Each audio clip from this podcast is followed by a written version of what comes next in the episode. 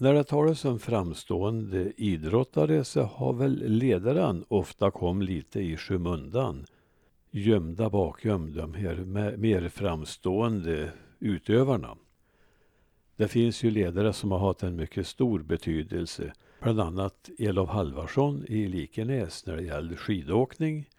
Och Gunnar Rangedal som skött det mesta när det gällde Sysslebäcks BIKs framgång på 1950-talet. Jag skrev en artikel om Gunnar Rangedal för tidningen Visaren nummer 1 2014. Det är Värmlands idrottshistoriska sällskap som ger ut den. En idrottsledare som är värd en krönika är Gunnar Rangedal från Sysslebäck. Han var mannen som förde Sysslebäcks BIKs fotbollslag i raketfart från Klarälvsserien upp till division 4. Han hade hjälp av lyckliga omständigheter men utan hans engagemang hade framgången inte blivit så stor. Gunnar föddes på Brattmon 1911 som den tredje av fyra söner till Alfred Jönsson och Jenny Johansson. 1944-45 tog bröderna efternamnet Rangedal. Fader Alfred var skräddarmästare och Gunnar arbetade en tid i faderns skrädderi på Brattmon innan han startade eget i den villa han byggde på Styffebacken i Tusta i Sysslebäck 1951. Efter några år lade han ner skrädderiet och arbetade en tid som brevbärare.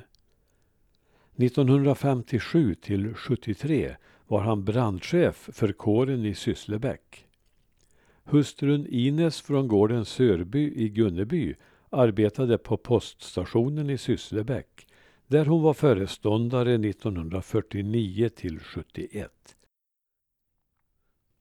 Främst av allt var Gunnar Rangedal idrottsledare. Idrottsintresset fick han i yngre dagar kanalisera som backhoppare, som ishockeyspelare och som fotbollsspelare. 1947 var han med och grundade Sysslebäcks BIK som en utbrytning ur Sysslebäcks IF. Det var fotbollen man satsade på och Gunnar blev inte bara lagledare utan också tränare och allt i allo. Det sistnämnda innebar en mängd olika praktiska sysslor som att sladda och krita planen på Hiala, att ordna transporter och att snickra på kiosken. Och vem höll ofta i slangen när hockeyrinken skulle spolas om inte Gunnar? Nattetid ideell spolning och dagtid som brandövning.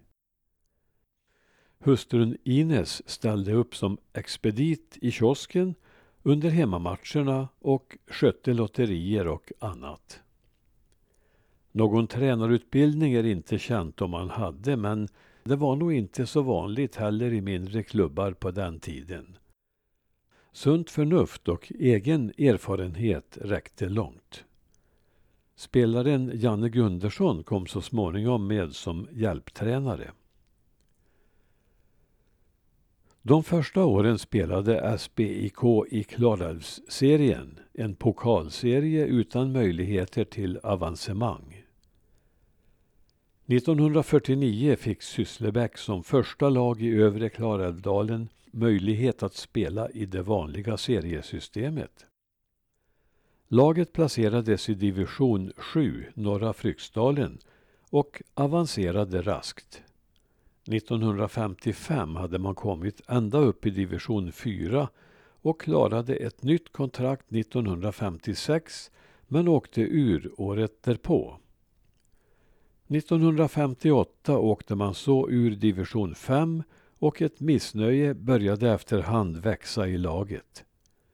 Som vanligt var det till stor del tränaren, lagledaren, som fick bära hundhuvudet när det började gå bakåt och en och annan röst höjdes för förnyelse. Gunnar tog illa vid sig och avgick efter 13 år som hängiven ledare. Vad var det då som bäddade för lagets uppgång? En viktig orsak var förstås den stora inflyttningen till bygden som kom i samband med vattenkraftsutbyggnaden. I de yngre leden visade det sig finnas stora fotbollstalanger och detta tillskott inspirerade också bygdens egna förmågor.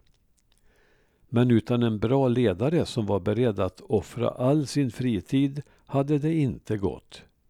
Det var där Gunnar hade sin uppgift. Han blev något av en fadersfigur för spelarna. Lars-Erik Larsson var 15 år när Gunnar satte in honom som center i A-laget. Han har enbart goda minnen av ledaren. Jag minns honom som en fantastisk ledare, en stor entusiast som alltid höll sin hand över laget, säger Lars-Erik. Han var dessutom sympatisk som person. Han fanns där uppe på fotbollsplanen flera dagar i veckan. Sedan var det förstås olika åsikter om hur laget skulle tas ut och det kunde bli lite missnöje. Men Gunnar stod på sig och ville sköta detta efter eget huvud. Och spelarmaterial fanns så det räckte till två lag. Konkurrensen om A-lagsplatserna var hård. Resorna till bortamatcher var långa och kunde ta tid.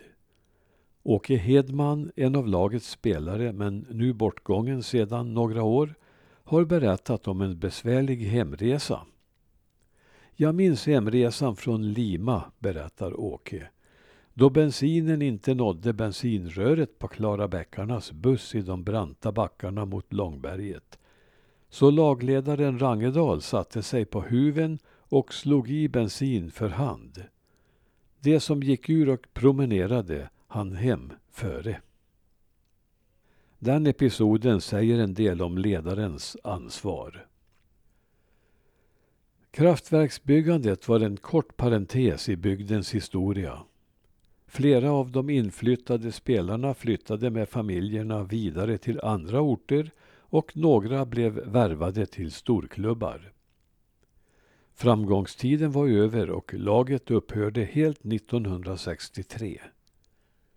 Då hade Gunnar redan avslutat sin karriär som ledare.